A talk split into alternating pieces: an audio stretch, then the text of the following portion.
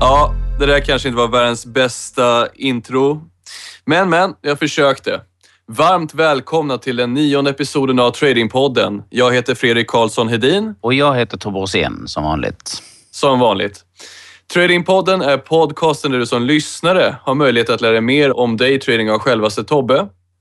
Den här podcasten är i samarbete med Öman Capital sedan förra episoden så har vi fått in lite eh, feedback från en lyssnare. Jag var bland annat med Tobbe på Nordet Live och eh, fick en hel del intryck om att eh, överlag så är podcasten väldigt bra. Däremot så finns det ju alltid någonting som man kan förbättra. Jag tänker framförallt så fick vi en grej på Twitter här av Livet som trader som sa att vi var lite för styltiga i podcasten och det är något givetvis vi ska försöka att inte vara. Vi får helt enkelt vara lite mer flytande. Även om det här är via Skype som vi pratar så går det alltid att förbättra vårt samtal helt enkelt. Sen så har vi gjort lite ändringar i eh, podcasten rent strukturmässigt så ni kommer att märka att det finns lite små skillnader lite här och var. Och om ni känner att detta är kanske någonting eh, som ni kanske vill att vi ska ändra på alternativt att vi återgår till det gamla formatet eller så, så skriv på vår Twitterkanal, hashtag tradingpodden, så ska vi se till att vi förbättrar det så gott som möjligt till förmån för er lyssnare. Jag vill förtydliga att det som sägs i Tradingpodden är våra åsikter och behöver inte återspegla Öhman Capitals åsikter och rekommendationer. Vi bör också vara tydliga med att de aktier vi tittar på ska inte tolkas som köp och säljrekommendationer. Så, det var det styltiga i den här podcasten. Då smyger vi över till att presentera dagens agenda. Först så ska vi dra in lite börsnyheter. Vi ska nämligen titta på veckan som har gått och vi ska även titta på vad som sägs idag på nyhetskanalerna runt Stockholmsbörsen och mycket annat runt det globala. Eh, sen så ska vi även gå in på vad som har hänt med de här bolagen som vi tittade på under episod 8 och det var ju då Axis, Lundin Mining, Boliden, Tradedoubler samt Kopparn. Efter det så är det huvudtemat och dagens huvudtema är de bolag som eh, egentligen varit eftersläntrarna på börsen. Det vill säga de bolag som inte hängt med i börsuppgången den senaste tiden. Så jag tänkte att vi börjar Tobbe. Vilka två nyheter skulle du vilja ta upp från förra veckan? Ja, egentligen så, de två nyheter jag tänker på det är Grekland och Grekland. Men, eh, eh, för det är ju nästan bara Grekland som det snackas om just nu. Men eh, jag skulle vilja säga Grekland och det är väl ingen nyhet, men spekulationerna framför allt kring när och om USA kommer höja styrräntan och det tror jag kan eller rättare sagt tror, vi vet ju inte, men det kommer ju vara ett eh, fokus som är på, på i princip allas läppar under lång tid tror jag. Men framförallt just nu så är det ju, är det ju fokus på Grekland. Absolut. Går börsen upp så är det Greklands förtjänst att man tror att man kommer överens. Går börsen ner så är det också Greklands förtjänst. Så det, är liksom, det känns som att det är just det som är fokus nu. Ja, exakt. Vi har ju samtidigt också en bank som heter Berenberg som skrev nyligen här i, nu idag, måndag den 23 om att de anser att bedömningen för en sannolik Grexit har sjunkit från 25 tidigare 35 procent. Och det är framförallt att risken då för omedelbara kapitalkontroller i Grekland som har minskat, som är dels det då. Sen så verkar det som också att förhandlingsutrymmet har blivit lite mer öppet det är deras syn så att säga. Sen då rate-hiken som man pratar om i USA. Vad mer har du hört från den nyheten? Nej, faktiskt ingenting. Det är ju lite spekulationer. Det, det är någon nyhet så stod att man trodde att nu är, det, nu är det inte speciellt långt kvar till man ska höja räntan och någon annan stod det att det är i slutet på året. Så jag, jag, jag har inga direkta åsikter om det, men att eh, helt klart är om nu oljepriset fortsätter att stiga, eh, som naturligtvis har en viss inverkan på inflationen, så eh, finns ju man kan inte, i alla fall inte utesluta att det kan bli lite panikåtgärder för det pratas mycket om bubblor och annat och så, så att man kan inte utesluta att det kommer ha en impact. Men exakt vad och hur mycket, det är nog inget man ska spekulera för mycket utan man ska bara vara beredd om det händer. Som att det sitter på händerna allt för länge när det gäller att agera. Mm. Jag kan egentligen berätta lite grann, eh, lite nyheter som jag har läst under förra veckan och dels är det en intressant nyhet om att Norrporten, Det finns säkert många av er som känner till det bolaget sedan tidigare. Det är ett fastighetsbolag då som eh, finns från Luleå i norr till Hamburg i söder. Och de ska då börsnotera sig under året och eh, företaget ägs av andra och sjätte AP-fonden, 50 procent vardera. Det tror jag kommer bli en väldigt intressant case framöver. Men vi får se. En annan nyhet som kom upp idag faktiskt, det är mycket snack om Impact Coatings den här veckan och det är framförallt då att Michelin har fördjupat sitt samarbete då med Impact Coatings och eh, den här gör då att aktien rusar på nyheten drygt 25 procent i skrivande stund.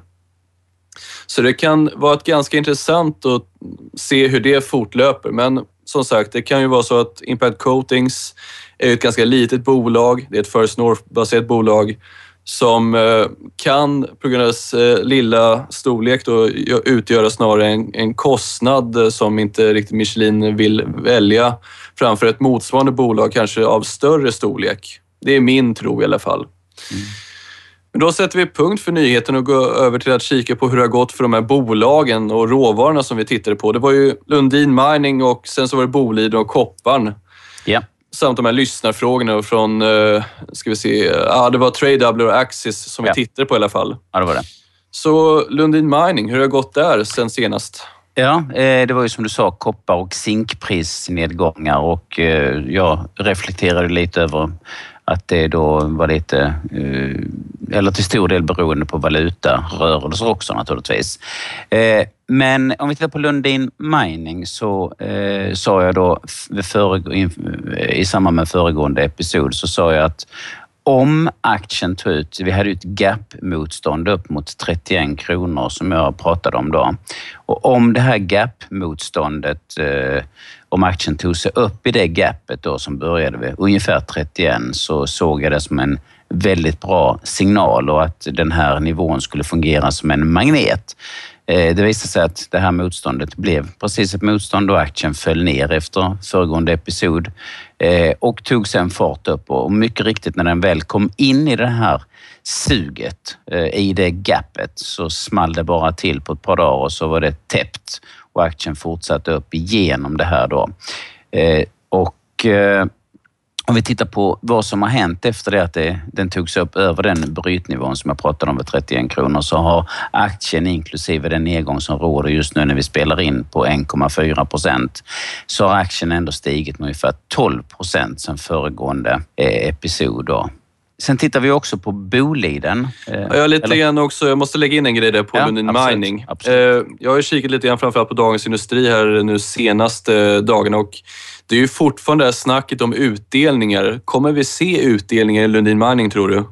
Ja, det vågar jag inte spekulera i faktiskt. Nej. Eh, jag är för mycket teknisk idiot för att spek spekulera i fundamenta. Så att jag, jag, kommer det så är det positivt, absolut. Ja, nej, det var mer bara en grej som jag läste som hastigast här för några dagar sedan om att eh, ja, dess VD har tidigare diskuterat om det och gör det igen. Mm. Det kommer nog bli en djupare diskussion senare, förmodligen i mitten av året. Mm. Bara som en inflik. Då går vi vidare. Ja, det gör vi. Eh, systern eller kollegan, om vi säger så, Boliden då, pratar jag också om.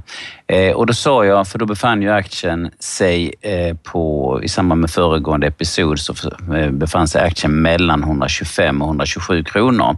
Och där sa jag att där har vi en vattendelare precis vid den nivån. Eh, om 127 kronor tas ut så ser jag det som positivt, sa jag. Men skulle däremot 125 kronor punkteras så ska vi nog vara beredda på att vi ska ner någonstans kring 118 eller till och med ner mot 112, sa jag. Nu visade det sig att det blev 127 kronors nivån som togs ut och därefter så har aktien stigit med nästan 30 procent. Vi har inte haft tillstymmelse till, inte en enda dag i stort sett har vi haft tillstymmelse till att säljarna har tagit över. Eh, vi har inte haft en enda bekräftad negativ eh, omslagsformation utan aktien har bara tuffat på uppåt. Idag har vi en liten tendens eh, till en bearish engulfing som det kallas för.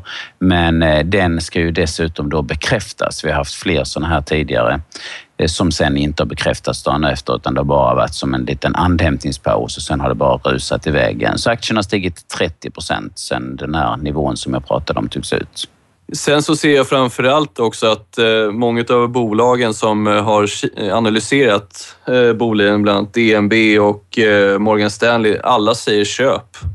Men Mm. eh, då får jag titta också på vad de ser. Jag har inte riktigt så mycket information utan jag, ser mer bara vad de har gett för eh, signalvärde så att säga, mer på om det är köp eller sälj. Mm.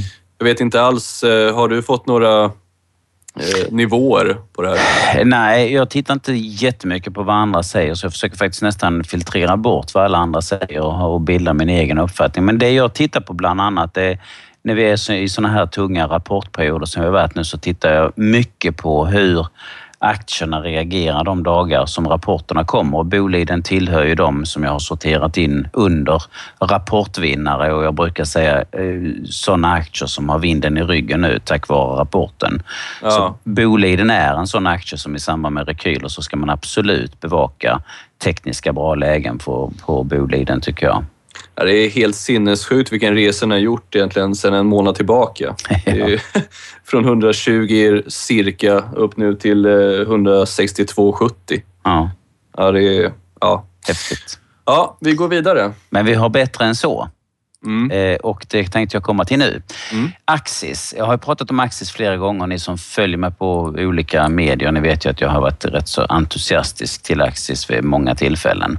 Eh, och eh, I samband med förra episoden så sa jag så här att aktien står just nu i 207,60 eh, och som det ser ut med det här lågvolatila läget så laddar Axis för en större rörelse, sa jag. Eh, det som hände, det var att en vecka senare så fick vi en väldigt positiv, extremt positiv fortsättningsformation. Då sa jag att om 200 kronor punkteras så ska vi definitivt inte kliva in eh, för uppgång. Men om vi ser nu, även om vi har fått den här positiva fortsättningsformationen, att 207,60 tas ut, så kan vi köpa. Men som sagt, vänder aktien ner under 200 då så ska vi nog vara beredda på att kliva av. Eh, och med facit i hand så vet vi att 207 och 60 ju togs ut och sen fortsatte aktien upp för att testa av under ett par dagar eh, nivån här uppe strax under 225, den här toppen som vi hade från i somras. Eh, och sen hann man ju kanske inte riktigt med. Den nivån togs ut, var man då blixtsnabb så hade man en dag på sig att ta position. Sen kom ju det här budet från Canon på 340 kronor och sen small det upp med 60 procent på en dag. Så sen föregående analys då så har eh, aktien stigit med 65 procent men om man då missade entrén där så efter det här utbrottet av 207,60 så har den stigit med 63 procent sedan dess. Vilka siffror. Alltså det är... alltså, jo, jag minns att jag satt verkligen och lutade mig tillbaka och kände att nu har vi verkligen eh, fått in en bra episod. Och så kommer den här den 10 februari, den nyheten. Ja. Ja, jag spann som en katt. Ja, då kör vi vidare. Vad Ja. har vi? Sen var det trade doubler som vi hade fått önskemål om. Och eh, det är ju alltid lurigt som jag sa i samband med trade doubler, även om man kan tycka sig se tendenser till att det håller på att vända upp. Och vi så, såg ju där att både 20 och 50 dagars glidande medelvärde hade börjat vrida upp lite grann när vi spelade in föregående episod. Eh, men som jag sa, eh, vi ska samtidigt vara beredda på att eh, den här kraftigt Eh, fallande primärtrenden tillsammans med det här dödskorset som aktien har jobbat och tyngts under, under lång tid. Det ska vi ha stor respekt för, sa jag. Så jag sa att vi måste se, att aktien kan rensa av kan stiga och ta sig förbi 11,70 innan vi ens överväger köp på någon längre sikt. Eh, det hade då i så fall inneburit att vi hade fått en passering av både toppen från i december och framförallt vi hade en, en, eh, ett antal test av den nivån i, under juli månad. Då. Eh, men så blev det inte, utan aktien eh, tog sig upp mot primärtrenden och någon dag efter att vi spelade in föregående episod då, så fick vi ett negativt omslag vid primärtrenden och sen har det brakat ner och sen har aktien fallit med ungefär 16 procent. Så att eh, det var väl rätt bedömning att inte kliva på i någon uppgång utan vara beredd på att det skulle fortsätta söderut, vilket det gjorde då. Ska vi gå in lite grann då på hur kopparn ser ut? För det är ju en sån där råvara som vi tittade på förra episoden och framförallt så ser vi att den har varit ganska sakta men säkert fallit väldigt eh, rakt ner så att säga utan några avbrott i trenden. Vad, hur summerar du den från förra episoden? Ja, eh, förra gången så sa jag då att eh, kopparpriset hade ju fallit väldigt brant. Eh, samtidigt så var det då, i och med att det hade fallit så brant, så, så eh, noterades det ju på kraftigt översålda nivåer.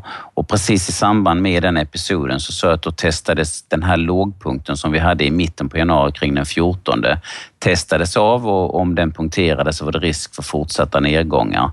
Eh, det som hände var att nivån punkterades eh, men redan vid månadsskiftet så eh, har köparna kommit tillbaks Eh, och sen har det varit väldigt konsoliderande här nu. Vi har en nivå från eh, i mitten på januari kan man säga, 15-16 januari, där har vi en liten topp.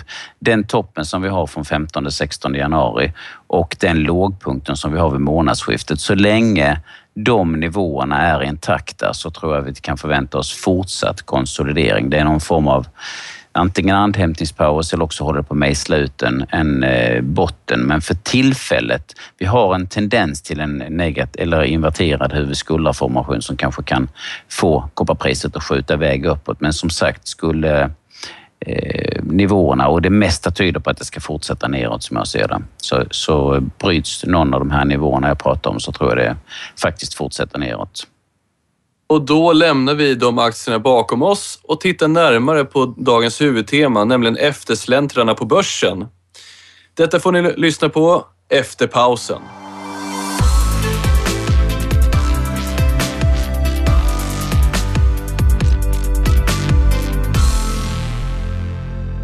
Det blir allt svårare att hitta lågt värderade bolag och möjliga kursdubblare. OMX S30 noterar löpande nya toppnivåer, riskviljan är god och sannolikt bara en tidsfråga innan eftersläntrarna inom starka sektorer också når nya årshögsta.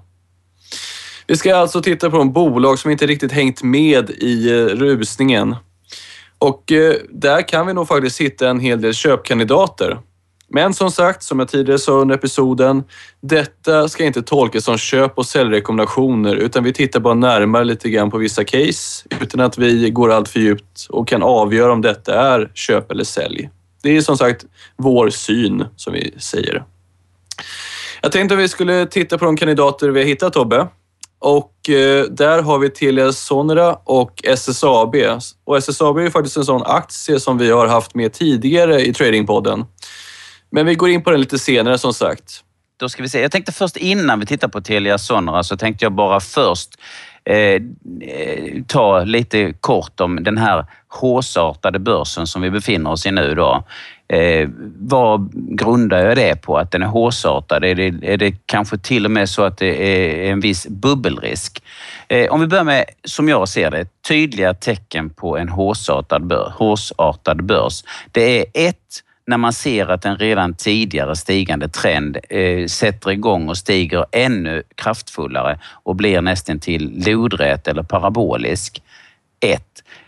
Två. När volymen ökar kraftigt och, och är långt över det genomsnitt, dagliga genomsnittet eh, eh och i samband med uppgångsdagarna då, så det är riktigt, riktigt bra kraft i uppgångarna. Från att redan ha varit eh, tydligt och kraftfullt uppåt så blir det då ännu tydligare uppåt. För det tredje, när antalet börsintroduktioner ökar kraftigt, eh, betydligt fler än vad man haft tidigare. Det är också ett eh, tecken på att det är lite väl optimistiskt när tidningar som normalt inte skriver om aktier helt plötsligt börjar göra det. Jag brukar ju ha lite som eh, häckla Aftonbladet lite grann där. När de kommer med en extra bilaga och skriver om aktier, då ska man kliva ut från börsen eh, med lite skämt. Mer, mer skämt än allvar. Så du skulle inte tycka att Aftonbladet var en tillförlitlig källa så att säga för dina investeringsbeslut? Nej, nej Det är det absolut inte. Men Nej. samtidigt ska man komma ihåg att de tar ju oftast in duktiga analytiker som skriver då, så att det är ju det är inte alls så att kvaliteten behöver vara dålig på de reportagen. Absolut inte. Men det är lite grann det här euforiska optimism. Alltså alla eh, jag menar, varför var man inte lika optimistisk när det var billigt och, och köpvärt? Varför ska man vänta till det har stigit med liksom flera hundra procent? Och sen eh, sådana som, eh, dels när tidningar som inte brukar skriva om aktier skriver om aktier och dels när man eh, åker taxi eller går till tandläkaren så pratar de om aktier. De brukar aldrig prata aktier innan. Det brukar, brukar vara fotboll och, och kanske andra sporter och helt plötsligt så är det då, är det då aktier man pratar om eh, i taxin och hos tandläkaren och så vidare. Det är också ett tecken på det. Det är klassiskt. Ja, visst är det det. Mm. Och, och, och likadant när helt plötsligt nyheter, spelar ingen roll om de på, titta på Grekland nu, man förklarar varenda uppgång, alldeles oavsett vad som sker så är det, så är det tack vare Grekland.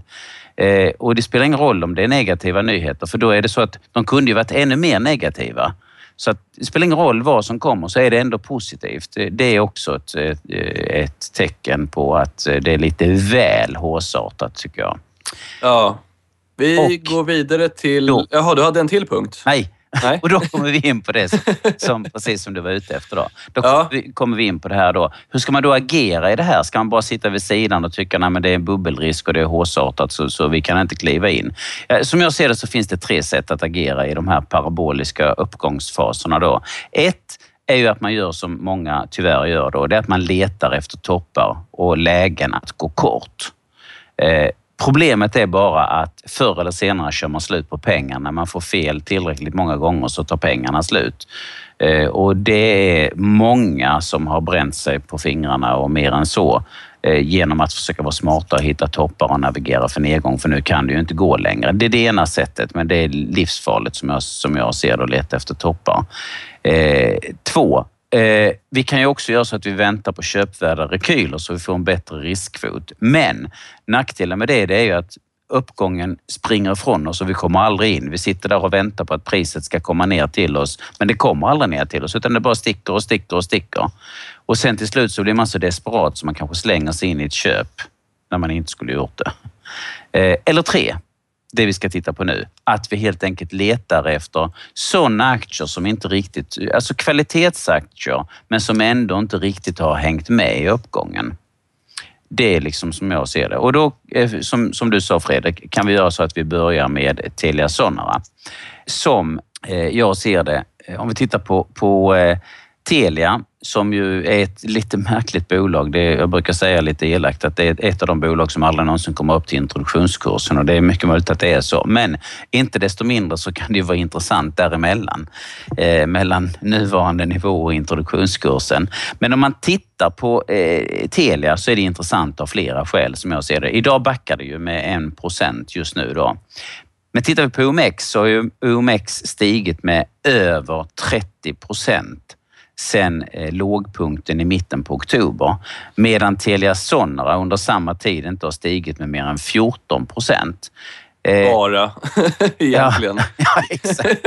Bara. Men det är, det är liksom, samtidigt så ska man ju veta att det har kommit lite grejer om att finländska statens placeringsbolag sålde ju faktiskt eh, för inte så länge sedan lite grann av deras innehav. Det var väl egentligen alla var det va? Mm. Ja, försäljningspriset uppgick till 51 kronor per aktie i alla fall och Mm. det var 200 miljoner aktier. Som en liten inflik. Nej, exakt. Eh, men samtidigt så är det ju så att eh, skulle det börja blåsa, om vi säger att det börjar blåsa på toppen.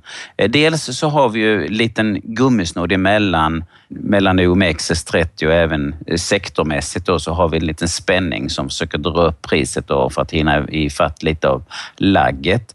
Å andra sidan, skulle det vända ner brant så är det ofta så att placerarkollektivet och de flesta söker lite mer skyddade hamnar. Eh, och då är det oftast bra att leta efter aktier som har en hög direktavkastning. Eh, och där är ju Telia väldigt intressant. Jag menar aktien ligger på 52 kronor ungefär just nu då. Eh, och de har en utdelning på 3 kronor per aktie. Det innebär att det är alltså en, en direktavkastning på nästan 6 procent. Eh, och då är frågan var någonstans överhuvudtaget kan man hitta avkastningsnivåer som är i, i, den, i, i den nivån när det är negativ bankränta och annat. Då. Eh, sen påverkas ju Telia dels negativt av, eh, av olika saker, men bland annat så är det så att en del av deras eh, huvudmarknader, de har ett bra ebita-tillskott. Där eh, har vi då, senast idag var det Azerbajdzjan tror jag som, som devalverade och det tynger ju Telia då. Men sånt där eh, i all ära, det syns ju i grafen så vi behöver inte snöa in för mycket på det. Men det finns ett underliggande fundamenta som gör att Telia kan vara intressant. Men inte desto mindre så måste vi ju titta tekniskt på hur det här ser ut. Vi kan inte bara slänga oss in och handla aktierna utan att vi får en köpsignal. Så för min del, som det ser ut just nu, så skulle jag vilja se att 53 eller 53,05, alltså den topp som vi hade här 13 februari, eller topp och topp, men högpunkten. Tas den nivån ut så tror jag att då eh, kommer det gå ganska snabbt upp mot 54 kronor. Det låter kanske inte så mycket med en krona, men på en aktie som kostar då, om den ligger på det pris som ligger på 53 kronor upp till 54, det är nästan en procent. Eh, och köper vi då hävstångsprodukt med, med rejäl hävstång så kan vi ju lätta av halva positionen när vi kommer upp mot 54 och, och kan göra en ganska ansenlig vinst faktiskt. Eh, och den bör vara ganska eh, tekniskt sett så ser den intressant ut i alla fall. Men däremot om aktien som det är nu då fortsätter neråt eh, så, får vi ju ingen köpsignal såvida inte vi ser att aktien vänder upp eh, och man ser att efterfrågan eh, påtagligt stiger i form av en lång svans på nedsidan från kanske 50 kronors nivån eller så då, då ser jag det också som ett väldigt bra läge och bra timing kanske att kliva på. Men om 50 kronor punkteras med tydlighet, då tycker jag att man eh, ska överväga och vända på klacken och kanske börja titta på aktien för nedgång. Men 53,05 tror jag som det ser ut nu eh, kan vara en bra trigger och från eh, egentligen 51, 51 och 40 och ner mot 50 kronor ser vi att köparna kommer tillbaka, skapar en positiv omslagsformation eller fortsättningsformation med en lång svans på nedsidan eller någon kraftfull grön kursstapel med mycket volym. Då tror jag att det kan också vara ett bra läge att kliva på vid. Eh, trenden är positiv, svagt positiv. Jag satte till plus 2, men däremot så är det då en negativ divergens. Vi ser att momentumet pekar svagt neråt och indikerar inte än så länge att köparna är på väg in, men det kan snabbt vända. Så jag tycker man ska ha Telia på bevakningslistan, men det är däremot inte samma sak som att man ska säga att nu är det läge att köpa, för det säger jag absolut inte. Men jag tycker den är intressant att ha med på bevakningslistan. Så när den bryter upp så tror jag att uppgången kan fortsätta. Jo, det och, känns ju inte helt omöjligt. Swedbank eh, höjer ju även de sedan eh, för någon vecka sedan eller två. Så att jag känner liksom att eh, det finns ändå rätt så stor potential i det här. Vi har ju 35 procent av analytiker tycker ju ändå att det ska vara köp och 5 mm. procent öka, så att det finns ändå goda eh, vibbar Precis. i det här. Mm. Nästa bolag, SSAB. Där har vi väldigt mycket snack om det här med eh, Martin Sverkelöv till exempel som förlorade ordförandeposten och de här skriverierna. Mm. Men det finns ju ändå ett bolag i, i det hela också som vi får även se. Inte bara de tillfälliga nyheterna som eh, trycker ner kursen på lite kortare sikt. Jag menar, om två år kommer det här liksom inte vara någonting man kanske pratar om tror jag. Precis. Eh, nej, SSAB ser, tycker jag, jag tycker faktiskt att det, jag har innan sagt att Sandvik och Axis har varit de bolag som har sett mest intressanta ut. Nu har väl snart tågen eh, tillfälligtvis i alla fall kanske gått i dem då. Men SSAB är en sån aktie som börjar se lika spännande ut. Varför då? Jo, eh, jag hoppas jag kan beskriva det här i ord. Vi har ett antal fallande toppar eh, som vi har haft sedan i somras då. Eh, och de fallande topparna de eh, noteras precis kring eller strax under eh, 50 kronor, där aktien de senaste fyra dagarna också har testat av den här nivån. Det är intressant. Eh, det som också är intressant är att vi hade ju en fallande trend eh, som då noterade lägsta punkten här nu då i, i mitten, eller slutet 21, 19 januari tror jag det var. och och den lågpunkten som vi har haft, sen har vi inte haft någon låg, någonting som har varit lägre än det. Men innan den lågpunkten, så i slutet på december så hade vi en lokal liten topp Eh, och när vi har den här typen av utseende då, när vi får en botten och sen är då den senast kända toppen i nedtrendsfasen, alltså i samband med rekylen. När den toppen tas ut, då säger man att man har en så kallad 78 procents regel, vilket då tekniskt säger att det ska vara 78 procent chans till att vi ska få en högre botten än den botten som vi hade som lägst. Och där är vi nu. Det innebär att jag ser två scenarier med, med SSAB för tillfället. Då. Det ena är att aktien faller tillbaks ner och presterar en, en högre botten någonstans mellan 42 och 46 kronor. Det är ju ett rejält spann på en aktie som ligger i den prisklassen. Då. Men eh, jag vet ju aldrig, vi kan aldrig säga om vad den här botten kommer att presteras. Men vi vet att den eh, med hyfsat stor sannolikhet kommer komma högre än 38-40 då. Eh, det är det ena scenariot. Det andra är att det kanske skvalpar omkring här i någon konsolidering och någon mindre rekyl och liksom inte orkar bryta upp över den här fallande motståndslinjen som jag pratade om då. Eh, då kommer de kortare medelvärdena som det har varit lite långt ner till, vi har haft ett litet spänt eh, gummiband däremellan, då kommer de medelvärdena att hinna ikapp och spänningarna minska. Och det kommer i sin tur leda att när det väl bryter upp och bryter ut från den här nivån då, då tror jag att det kommer ske med stor kraft. Eh, för som det är nu så har vi ett eh, läge eh, där det ser ut som aktien laddar för någonting som, som ser spännande ut som jag ser det då. Så jag skulle vilja säga så här att för tillfället så tror jag man kan... Det, det är positivt både om 51 kronor tas ut, det innebär att vi har rensat rensat bort den här och tagit ut den här fallande motståndslinjen och även toppen från, från i mitten på förra veckan. Eh, men skulle aktien istället fortsätta neråt och det innebär att vi ska ju då vänta nu. Eh, då ska ju inom de närmaste dagarna den här 51 kronor tas ut och görs det inte det, då är det kanske så att vi ska ner och prestera en ny eh, högre botten. Och då väntar vi helt enkelt in tills vi ser att i den, samband med den här rekylen i, på, i det korta perspektivet, i samband med den här rekylen att efterfrågan tilltar, precis som jag sa innan med Telia Sonera, då får vi en svans på nedsidan eller en lång grön kursstapel som tar ut högsta nivån på föregående dags högsta. Då då eh, får vi en positiv fortsättningsformation som vi kan agera eh, på istället då med en bättre riskkvot. Då får vi ju inte riktigt lika långt ner till stoppen. Så att Telia ser, förlåt, SSAB ser ut som det håller på att mejsla ut en botten och skapa förutsättningar för en, en eh, uppgång faktiskt. Så att jag tycker att aktien ser väldigt intressant ut. Så om vi sammanfattar det här, för det blir väldigt mycket nivåer kanske, så skulle jag vilja sammanfatta det Eh, och säga att om aktien tar ut 50 och 90 inom de närmaste dagarna så ser jag det som positivt och tror att den kommer fortsätta upp mot åtminstone 54-55 kronor till att börja med. Sen har vi ett tufft motstånd. Eh, men om vi inte ser det utan aktien fortsätter ner så hela vägen ner eh, mot eh, 47 och 44. Det är 3 kronor mellan, för, mellan 47 och 44 kronor. Där letar vi efter tecken på att köparna suger upp det eventuella säljtrycket eh, och det kan vara ett bra läge att kliva in för uppgång.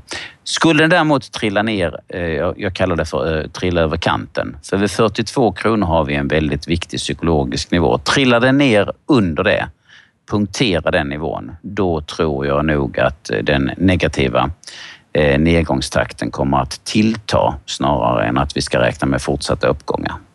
Vad ska man säga mer egentligen om SSAB? Alltså rent rekommendationsmässigt från bankerna så kan jag summera att eh, det finns en ganska så stor köp och behållsida där, där de har krasst ja, 42,9 procent köp och 42,9 procent behåll och endast en liten, liten del på 14,2 säger undervikt. Mm. Eh, så att det är väldigt mycket av det som stämmer överens med det vi har gått igenom nu också. Att vi ser, ja, det, det verkar liksom vara någonting man kan titta vidare på. Och dessutom kan jag flika till då, eh, så ser man också tendenser till, dra inte för stora växlar av det för det vet vi inte vad de har för agenda, men man ser ändå tendenser till att de senaste veckan, åtminstone så tycker jag det är fler stora eh, aktörer som har stängt sina korta blankade positioner än tvärtom. Och det kan också vara ett tecken på att de, att de håller på att vända. De gör ju inte det på en dag, Men när man ser att det här eh, upprepas dag för dag så kan det vara ett sätt eh, kanske att de håller på att smyga sig ur sina positioner för nedgång. Det kommer också stärka aktien. Jag ska egentligen säga så här att eh, titta som sagt på den här aktien och eh, så får ni själva avgöra. Återigen, de aktier vi tittar på ska inte tolkas som köp och säljrekommendationer. Och sen så måste jag fråga er lyssnare, vad tyckte ni förresten om det här upplägget av dagens episod eh, om man jämför med tidigare episoder? Ni får hemskt gärna komma med feedback och frågor om ni är så... Ja, ni är ju faktiskt rätt bra på det redan nu. Men skriv som sagt gärna om det finns någonting som ni vill se ska förbättras. Det kan vara allt ifrån hur lång episoden är till just innehållet.